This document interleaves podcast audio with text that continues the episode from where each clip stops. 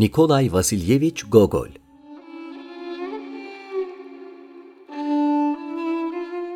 ...19. yüzyıl Rus edebiyatının en büyük yazarlarından biri o.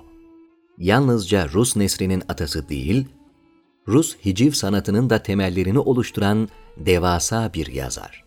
Turgenev, Tolstoy ve Dostoyevski'den onu ayıran tek şey hicvi kullanma başarısıydı.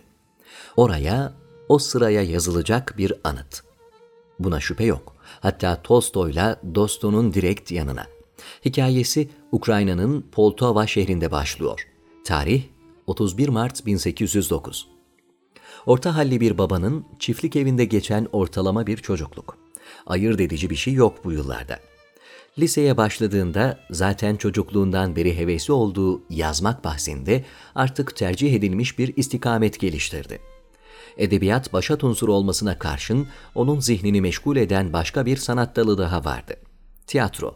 Nejin Lisesi'nde pek çok tiyatro oyununda coşkuyla rol aldı.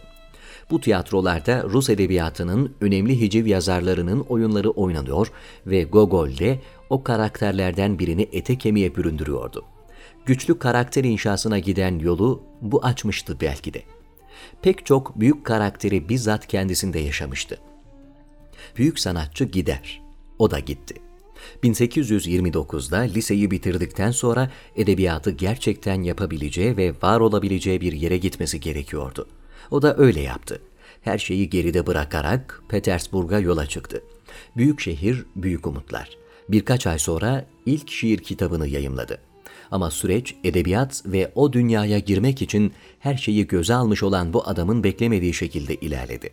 Sandığı gibi ilgiyle karşılanmadı eseri. Hatta yerden yere vuruldu. Hayal kırıklığını inatçılıkla kapatmaya çalışmadı. Şiirden vazgeçti. Kitabı toplattı ve hepsini elleriyle yaktı. Dairede bir memur. Petersburg yılları kötü başlamıştı. Kötü de devam etti. Memur olarak bir iş buldu kendisine. Ancak geçinebildiği, çoğu aylar denkleştiremediği düşük bir maaşla hayatını sürdürmeyi denedi. Memurluk ve diğer memurlar, rüşvet, iltimas ve daha bir sürü bürokratik kötülük. Oradayken yakındığı bu zorlu ve anlamsız iş aslında hikayesini besleyen zengin bir yatak olacaktı onun için. Karakterlerini yavaş yavaş o kısa süren memurluğunda inşa etmeye başladı. Çok da farkında olmadan. Bu kötü tecrübe ona büyük imkanlar sunacaktı biraz sonra. Şiirde umduğunu gerçekleştiremeyen Ukraynalı, nesire dönecek ve birkaç yıl sonra ilk nesir kitabını çıkaracaktı. Dikanka hikayelerinin 1832'de yayımlanan ikinci bölümüyle artık Gogol, edebiyat ortamına giriş biletini almıştı. İlk kitabıyla öldürülmek istenen genç yazar, bu kez edebiyat çevreleri tarafından göklere çıkarılacaktı. Rus eleştirisinin yerindeliği. Bir vakit sonra öğretmeni, ustası, hocası, arkadaşı Pushkin'le tanışacak ve yaklaşan büyük yazar gelmiş olacaktı.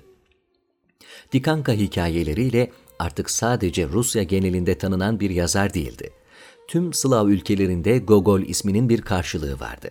Edebiyat çalışmaları devam ederken doğduğu topraklarla ilgisini de hiç kesmedi. Ukrayna tarihi üzerine araştırmalarını sürdüren Gogol, 1934 yılında Petersburg Üniversitesi'nde tarih hocası olarak ders vermeye başladı. Ancak hocalığının hikayeciliği kadar iyi olmadığı hemen anlaşılacaktı. Ertesi yıl üniversiteden ayrıldı ancak tarih konusunda çalışmaları da yayınları da devam etti. Buradaki soru şu. Gogol, Harun Reşit'ten ne istedi? Üniversiteden ayrıldıktan bir yıl sonra 1836'da hayranı olduğu büyük yazar Pushkin'in de etkisiyle Sovremenlik gazetesinde çalışmaya başlar. Araba ve burun hikayeleri burada yayımlanır. Gogol için verimli bir yıl oluyordur bu. Ardından aynı yıl Palto ve Bir Delinin notları da yayımlanır.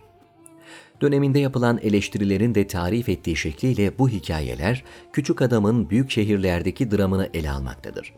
Bu küçük adam zaten çok yakından tanıdığı düşük rütbeli memurlardır. Onlarla beraber yaşamış ve onları gözlemlemiştir. Bir sanat dalıyla meşgul olsun ya da olmasın herkesin hikayesi böyledir. Geçerken uğradığımız, dokunduğumuz, temas ettiğimiz her şeyin tortusu ve tozu kalır üzerimizde. Geriye dönük de okunabilir ama bunu iyi okuyanlar önemli verimler elde eder. Gogol'ün hikayesinde de bu tanıdıktır. Çocukluğundan beri ilgi duyduğu ve lisede sahnede rol aldığı tiyatro bu kez oyun yazarı olarak önüne gelecektir. 1833 ve 1836 yılları arasında yazdığı tiyatro oyunları arasında belki en şöhretlisi olan Müfettiş, yazarın başını da ağrıtacaktır. Bürokratik kokuşmuşluğu hicvettiği müfettiş ve etrafındaki tartışmalar Gogol'ü dükkanı terk etmek zorunda bırakır. Rusya'dan ayrılarak İsviçre'ye gider. Burada konusunu yol ustası Pushkin'in verdiği Ölü Canlar romanı üzerinde çalışmaya başlar. Roman ilerlerken alabileceği en kötü haberi alır. Pushkin'in ölüm haberi. En büyük eleştirmenini kaybetmenin üzüntüsüne rağmen ustasının son tavsiyesini dinlemeyi tercih ederek romanı üzerinde çalışmaya devam eder. Sonra Roma'ya geçer. Yazarın en mutlu olduğu günlerdir İtalya günleri. Sanatına etkisi ise burada tanıştığı Rus ressamlarının da katkısıyla gözle görülür bir estetik duyarlılıktır. Biraz daha başka biri olur burada. 1839'da bir yıllığına Moskova'ya döner ve ertesi yıl yine Roma. Ölü Canlar'ın ilk cildi nihayet 1842'de biter. Ve beklediği gibi de olur. Bu yenilikçi dev yapıt büyük yankı uyandırır. Bir başyapıt ortaya koyduğunun farkında da olarak haklı bir memnuniyetin içindedir artık. Gogol'ün Selimiyesidir Ölü Canlar. Büyük yankı uyandıran Ölü Canlar romanının ikinci cildi ağır ilerler. Yazmakta zorlanır ve sil baştan yapmak için ikinci cildi yakar. Bu arada Dostlarla Yazışmalar adlı eserini yayımlar. Bu tam anlamıyla bir hayal kırıklığı olur bu kitap yazarı için. Çok yoğun ve sert eleştiriler alır kitap. Görgü dışı ve bayağılıkla nitelenir.